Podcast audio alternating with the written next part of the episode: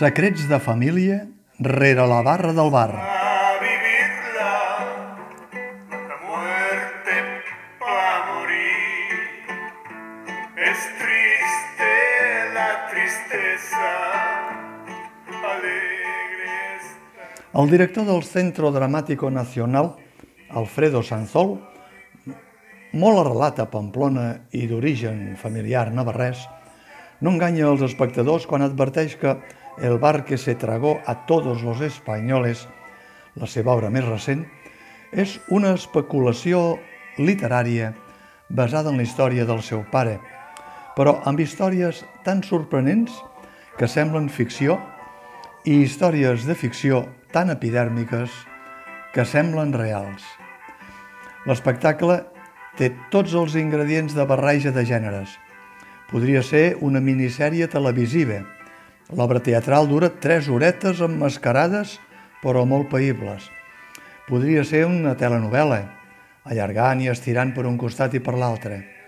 I, sobretot, podria ser una novel·la de família, perquè el registre teatral és expressament molt narratiu, amb aparts endreçats als espectadors i amb moments de diàlegs en els quals intervé el coixí del narrador. Alfredo Sansol parla del seu pare, un infant navarrès que als 12 anys és engolit pel sistema franquista i captat per l'Església perquè es faci capellà, i que als 33 anys, quan esclata la Revolució Vaticana dels anys 60, fa els tràmits per penjar els hàbits, viure una nova vida, trobar una parella i tenir fills. El pare de Sanzol ho va fer el 1963. Aleshores, dels centenars que van optar com ell, se'n deia capellans obrers, perquè la majoria triaven un ofici que els acostava a la lluita social i antifranquista.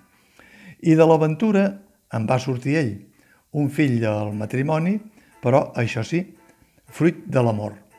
Hi ha cap dubte que darrere del bar que se tragó a tots els espanyoles s'amaga una bona telenovel·la sense renunciar a l'imprescindible costumisme?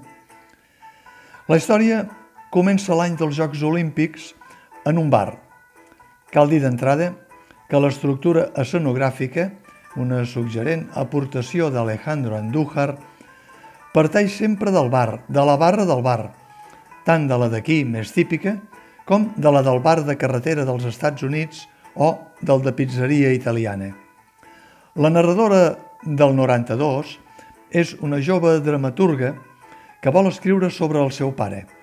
Aquí, Sanzol fa el primer salt a la ficció per despistar el personal. Després, el temps farà un salt enrere i veurem el pare de Sanzol amb múltiples facetes. La del seu viatge texà a Orange, als Estats Units, que és real, la de l'oferta que rep d'uns ranxers que havien acabat de perdre un fill semblant a ell i li ofereixen l'herència del ranxo. Si es queda viure amb ells, també real, la de la coneixença als Estats Units, a San Francisco, de qui serà la seva mare, això és ficció, la de la coneixença de Martin Luther King, també ficció, però pensem que el 1963 és l'any que els Estats Units viuen les escorrialles racials i maten John Fitzgerald Kennedy i cinc anys després també el reverent Luther King.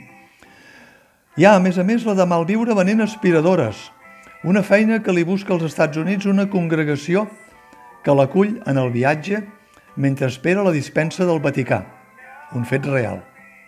Un viatge a Roma, que és ficció, i algunes especulacions més que donen per molt i que fan que l'actor Francesco Carril i l'actriu Natalia Huarte siguin els dos únics intèrprets que no es mouen dels seus personatges protagonistes, els pares de la pel·lícula, mentre tots els altres pengen i despengen sotanes negres o es vesteixen amb uniformes de xèrif, amb revòlvers al cinto, entre altres caracteritzacions.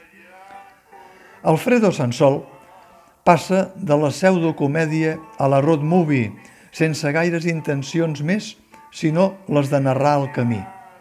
Ho fa amb el seu estil poètic, amb tocs d'humor, amb una important banda sonora original de Fernando Velázquez i amb una brillant interpretació de la companyia que, a més, destila el text amb una expressivitat tan entenedora com addictiva, que és el que justifica que l'auditori, en els temps que corren, es mantingui atent durant les 3 hores de l'espectacle.